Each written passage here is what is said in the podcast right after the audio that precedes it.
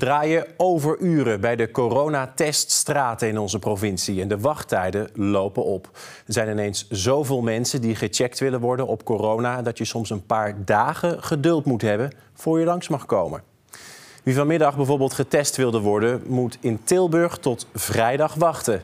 En voordat de uitslag er is, ben je weer minimaal 48 uur verder. Dat betekent dus tot zondag binnenblijven en wachten in onzekerheid.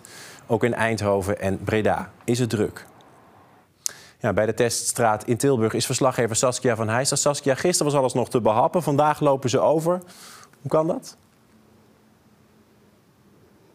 Ja, dat is een beetje gissen. Maar ze denken dat het mogelijk te maken heeft met alle berichten die er natuurlijk gisteren de wereld in kwamen van het RIVM en de GGD's die zich zorgen maken omdat het aantal coronabesmettingen echt aan het oplopen is. En die mensen ook echt oproepen om je echt te laten testen op het moment dat je ook maar enigszins klachten hebt. En verder denken ze dat het ook te maken heeft met vakanties. Nou, we zien eigenlijk de afgelopen dagen dat door de vakantietoestromen zien we de drukte steeds verder oplopen. En um, wat we ook zien is dat mensen komen die het idee hebben van dat we een COVID-vrije verklaring afgeven. En dat is niet het geval. Saskia, wat gaan ze doen bij die teststraat om iets aan die wachttijden te doen?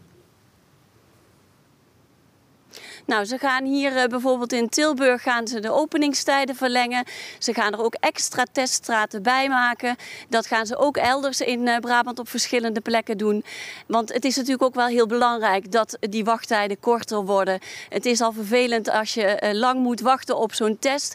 En dan moet je daarna ook nog lang wachten. Hè, minstens 48 uur op de uitslag van die test. Ja, dat is natuurlijk heel vervelend. Dat wil je niet.